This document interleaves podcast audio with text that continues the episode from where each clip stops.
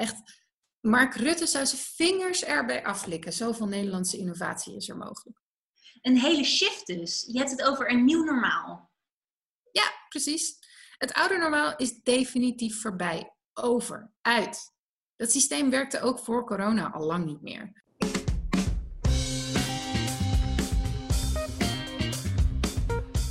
Ja, hallo. Welkom bij weer een nieuwe aflevering van de Milieudefensie podcast. Milieudefensie werkt aan een duurzame en eerlijke wereld. Mijn naam is Laura, ik ben communicatiemedewerker bij Milieudefensie. En in elke aflevering vraag ik aan mijn collega Jorien wat haar is opgevallen in het nieuws. Jorien is campaigner bij Milieudefensie en zij geeft ons elke keer weer de nodige inzichten op het gebied van klimaat en duurzaamheid. En in elke aflevering gaat onze podcast reporter Merel op pad door het land op zoek naar inspiratie en sprankjeshoop in haar eigen rubriek. Hey Jorien. Hey Laura. Volgens mij gaan we het deze keer over een heel ingewikkeld onderwerp hebben. Uh, ja, dat klopt wel een beetje inderdaad. We gaan het hebben over CO2-heffing, ook wel CO2-tax of CO2-belasting genoemd. En dat is inderdaad een vrij complex verhaal, maar het is wel heel belangrijk. En ik ga mijn best doen om het zo helder mogelijk te maken. Klinkt goed. En waarom is dit onderwerp nu zo van belang? Omdat er op dit moment een nieuwe wet wordt gemaakt voor een CO2-heffing voor de industrie. Een cruciaal moment dus, want op nieuwe wetten kunnen we invloed uitoefenen. Ja, oké, nou daarover later meer. Laten we nu eerst even bespreken wat zo'n CO2-heffing eigenlijk precies is. Ja, dat is goed. Um, een CO2-heffing is, zoals het woord al een beetje verklapt, een belasting op CO2-uitstoot. Dus bedrijven die het klimaat opwarmen door veel CO2 uit te stoten, die zullen de portemonnee moeten trekken. Oké, mooi. De vervuiler gaat daardoor dus betalen. En waarom is dat zo belangrijk? Nou, ten eerste is het natuurlijk gewoon veel eerlijker. Ik bedoel, het is nogal common sense dat je verantwoordelijkheid neemt voor je daden, toch? Als ik troep op de grond gooi, dan moet ik het of zelf opruimen, of ik moet betalen als iemand anders dat voor me moet doen. Maar veel grote bedrijven hoeven dat nu niet. Dus de prijs voor hun troep wordt betaald door gewone mensen, zoals jij en ik, of door het milieu. En daarnaast is het belangrijk dat de vervuiler moet betalen, omdat bedrijven liever kiezen dan voor de goedkopere oplossing van verduurzaming. Dus elke ton CO2 die je niet uitstoot, hoef je tenslotte ook niet te betalen. En dat is dan weer beter voor ons, voor het klimaat. En er zit nu zoveel CO2 in de lucht dat de aarde in razend tempo aan het opwarmen is. Het gaat veel sneller dan gehoopt, met alle gevolgen van dien. En denk dan aan overstromingen, hittegolven, orkanen, extreme droogte. De aarde wordt er niet bepaald leefbaarder van. En dat merken we hier nu al. Tja, inderdaad. Hier in Nederland verbreken we echt hitterecord na hitterecord. Um, er zijn zelfs zomers dat we zuinig moeten doen met drinkwater. Dat is echt bizar. En nu is het natuurlijk zo dat elk levend wezen CO2 uitstoot. Jij, ik, uh, iedereen. Maar wat zijn nou eigenlijk de grote boosdoeners? Wie of wat moet hier nou zijn verantwoordelijkheid pakken eigenlijk? CO2-uitstoot wordt vooral veroorzaakt door het gebruik van fossiele brandstoffen, zoals olie, gas en kolen, om machines draaiende te houden. En dat zijn dus grote vervuilende bedrijven, zoals staalfabrieken, olieraffinaderijen, chemiegiganten. In Nederland uh, kun je dan denken aan Tata Steel of Shell. En zij nemen hun verantwoordelijkheid niet? Inderdaad, dat is het probleem. Grote vervuilende bedrijven kunnen nu ongehinderd in gang gaan. Ze zorgen met hun vervuiling voor gevaarlijke klimaatverandering, terwijl ze aan de andere kant helemaal niets bijbetalen aan het herstel van de schade die ze veroorzaken of aan duurzame oplossingen. Maar de regering komt nu met een oplossing, namelijk die CO2-heffing. Toch? Goed nieuws, toch? Dat is inderdaad heel goed nieuws. Bij Milieudefensie hebben we hier echt jarenlang aan gewerkt en uh, we zijn heel blij dat de politiek het oppakt. Ik voel wel een maar aankomen. Ja, helaas. Het probleem is dat de heffing zoals die nu wordt voorgesteld echt niet goed genoeg is. Het wetsvoorstel dat er nu ligt, is gewoon slappe hap. Het is ook nooit goed bij jou, hè? Rups je nooit genoeg. Waarom is het slappe hap? Wat moeten, we, wat moeten we doen? We hebben toch een knop nu om aan te draaien? Ja, maar ja, aan halfslachtige oplossingen hebben we helemaal niks natuurlijk. Kijk, het gaat om drie dingen. Kom maar op. Ten eerste, een flink hoge prijs per ton CO2-uitstoot. Dat zou volgens ons 50 euro moeten zijn, om mee te beginnen. Daarna loopt de prijs dan per ton elk jaar weer op. Ten tweede moeten we niet jaren meer wachten met het invoeren van die heffing. Staat nu gepland voor 2024. Hè? Dus de komende jaren hoeven ze nog helemaal niets te betalen. Terwijl we er morgen al mee kunnen starten. Niet de bedoeling. En ten derde krijgt de industrie door deze wet nog steeds heel veel vrijstellingen en uitzonderingen.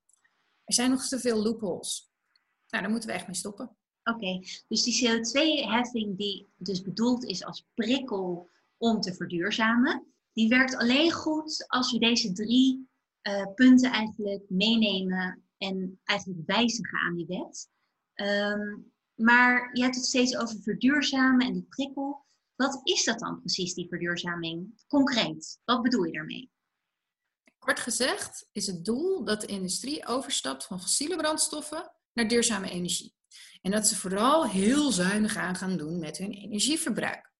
Dat ze in plaats van olie, kolen en gas zon en wind gaan gebruiken om hun machines te laten draaien. Uh, slimme systemen die zorgen voor energiebesparing zijn daarnaast ook belangrijk. Alhoewel, in de praktijk komt het ook heel vaak neer op gedragsverandering hoor. Energierekeningen worden al zo lang tot de vaste kosten van bedrijven, dat ze vaak niet eens bewust zijn dat ze nog hartstikke veel zouden kunnen besparen. Ja, we blijven gewoontedieren uiteindelijk. En uh, wat heeft de gewone Nederlander hier nou aan? Wat ga ik bijvoorbeeld merken van zo'n heffing? Nou, het leuke is van uh, de opbrengst van zo'n CO2-heffing is dat die groeit. En dat geld dat kan niet alleen gebruikt worden om bijvoorbeeld de industrie te verduurzamen, zodat ze dus hun eigen broek gaan ophouden in plaats van dat wij ervoor opdraaien. Uh, maar het kan ook gebruikt worden om bijvoorbeeld huishoudens en uh, kleine ondernemers te helpen verduurzamen. Denk aan woningisolatie of zonnepanelen. De mogelijkheden zijn eindeloos. Ja, ja. Oké, duidelijk. Dus die CO2-heffing is super belangrijk. Het is ook heel belangrijk dat die verbeterd gaat worden, uh, omdat we daar dan uiteindelijk allemaal profijt van hebben. Um, dus wat ik er nu van begrijp is ook dat die CO2-heffing eigenlijk in deze zorgt voor een uh, verdeling, uh, herverdeling van de lusten en de lasten. Zodat de wereld wat eerlijker en ook uiteindelijk duurzamer wordt. Precies waar we eigenlijk bij Milieudefensie elke dag gaan werken. Ja. Oké, okay. uh, dan een ander vraagje. Uh, want we hebben toch eigenlijk al lang zo'n CO2-heffing. En dan bedoel ik op Europees niveau. Dat heet het emissiehandelssysteem, afgekort het ETS. Waarom in godsnaam gooien we in Nederland nog een extra heffing daarbovenop? Uh, nee, het klopt. Uh, er is inderdaad een Europees handelssysteem als het gaat om uitstootrechten. Um, in het Europese systeem moeten de 450 grootste vervuilers van Nederland rechten kopen om een deel van hun CO2-uitstoot te, te, te compenseren. En hoe zit dat precies? Nou, dat systeem is gebaseerd op de uitgifte van rechten die bedrijven dan weer onderling kunnen verhandelen. Maar er zijn zoveel rechten uitgegeven om CO2 uit te stoten dat de prijs lange tijd extreem laag is gebleven. En dan ging het eindelijk de goede kant op. En toen is door corona die hele handel weer ingestort. Oké, maar kunnen we ons dan niet focussen op uh, het, het, het, herstellen en verbeteren van die Europese uh, regeling? Ja, dat kan zeker en daar wordt ook aan gewerkt. Okay. Maar de ervaring leert dat verandering op Europees niveau echt een heel lang en stroperig proces is. Ja. En die tijd hebben we simpelweg niet. Met een nieuwe nationale wet, als die ambitieuzer wordt dan wat die nu is, uh, krijgen we gewoon sneller resultaat. Bovendien kunnen we hier in Nederland dan ook eindelijk eens een keer het goede voorbeeld geven voor andere landen. Als het hier kan, kan het overal en zo gaat het balletje rollen. Uh, dat zag je bijvoorbeeld ook met de vliegtax. Hè? Dat, uh, meerdere landen hebben dat al en nu volgt Nederland ook. Over die buurlanden gesproken, een veel gehoord tegenargument voor de CO2-heffing is dat grote bedrijven die uh, meer kosten gaan maken hier in Nederland dan vertrekken naar het buitenland. Hoe zit dat? Ja, dat zegt je onderbuik misschien. En uh, dat willen belangenverenigingen van de industrie, die willen je dat ook heel graag doen geloven. Maar als je naar de cijfers kijkt, blijkt het helemaal niet het geval. De Nederlandse bank berekende onlangs nog dat een heffing van 50 euro per ton CO2 nauwelijks economische gevolgen heeft. Oké, okay, maar ik blijf nog even doorzeuren. Want een ander veel gehoord tegenargument voor zo'n CO2-heffing is dat als bedrijven meer kosten gaan maken, die kosten gewoon doorgaan berekenen aan de consument, aan jou en mij. Zijn wij ja. niet uiteindelijk gewoon de dupe hiervan? Nou, bedrijven kunnen dat doen en dat zullen ze ook zeker doen, deels. Uh, maar om heel eerlijk te zijn, is dat precies de bedoeling. Oh, wacht. Ga ik dus meer betalen voor mijn boodschappen? Nee, dat, dat zal heel erg meevallen. Um, laat me uitleggen. Uh, door de CO2-heffing worden vervuilende producten voor een deel duurder. Maar doordat de subsidiepot voor verduurzaming daardoor ook wordt gevuld, worden duurzame producten juist goedkoper. De consument wil graag duurzaam. En als duurzaam goedkoper wordt, zelfs goedkoper dan vervuilende producten, zullen consumenten massaal hun inkoopgedrag aanpassen. Vervuilers die niet vergroenen, prijzen zichzelf simpelweg uit de markt.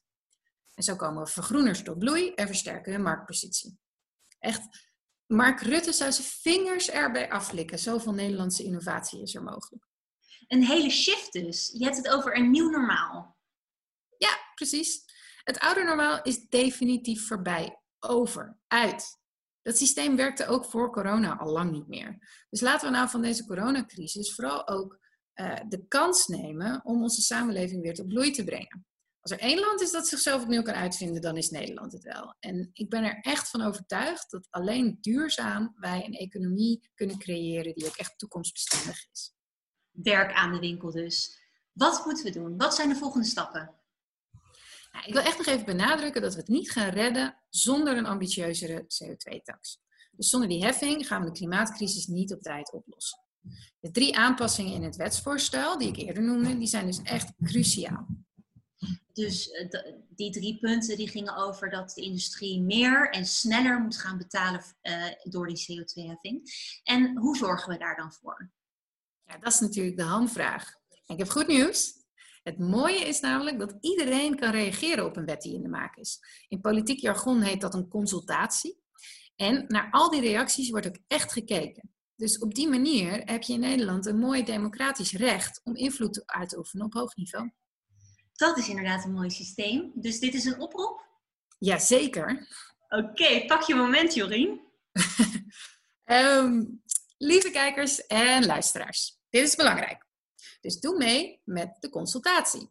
Laura heeft op de website een stappenplan gezet, waardoor het echt heel makkelijk is om jouw reactie te geven op de nieuwe wet voor CO2-heffing.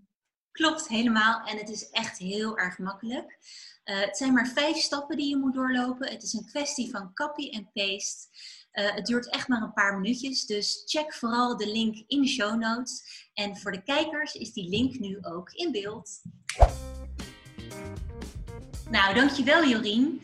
Um, het is een erg ingewikkeld onderwerp, maar je hebt inderdaad goed je best gedaan. Ik snap het nu in ieder geval. Nou, dat is al winst, toch? Ja, precies. je dankjewel. Joe, tot de volgende keer. Bye. En dan nu de rubriek van Merel. Ik ben benieuwd waar ze deze keer is. Ja, hoi Laura. Zoals je kunt zien zit ik hier midden in het groen. Ik ben op boerderij De Buitenhof in Roon. En dit is een plek waar mensen met een afstand tot de arbeidsmarkt of met een verstandelijke beperking onder begeleiding kunnen werken. Maar ook alle andere mensen die graag hun handen uit de mouwen steken zijn hier van harte welkom om te werken. En ik vind het zo'n mooie plek omdat er een enorme variëteit is aan gewassen. Er zijn appel- en perenboomgaarden, er zijn kruiden, er zijn aardbeienvelden, er zijn eh, superveel verschillende soorten groentes. Ehm, en je kunt hier dus zelf gaan oogsten, maar ook in het winkeltje de verse producten kopen. En er is ook een hele mooie pluktuin waar je zelf uh, een boeketje kunt samenstellen. En deze plek brengt je eigenlijk heel dichtbij de oorsprong van al het voedsel. En dat vind ik er zo mooi aan. En zeker in deze tijd is het heel erg belangrijk om uh, lokale voedselproducenten te steunen. Dus ik zou jullie willen vragen om um, een boerderij bij jullie in de buurt te zoeken en te kijken of je daar een handje kunt helpen. Of uh, dat je er um, wat producten kunt kopen in het winkeltje. En heel veel plezier ermee en tot volgende week. Dat was het alweer. Bedankt voor het kijken of luisteren. De volgende keer bespreken we weer iets wat ons is opgevallen in het nieuws. Valt jou nou ook iets op? Laat het ons dan weten.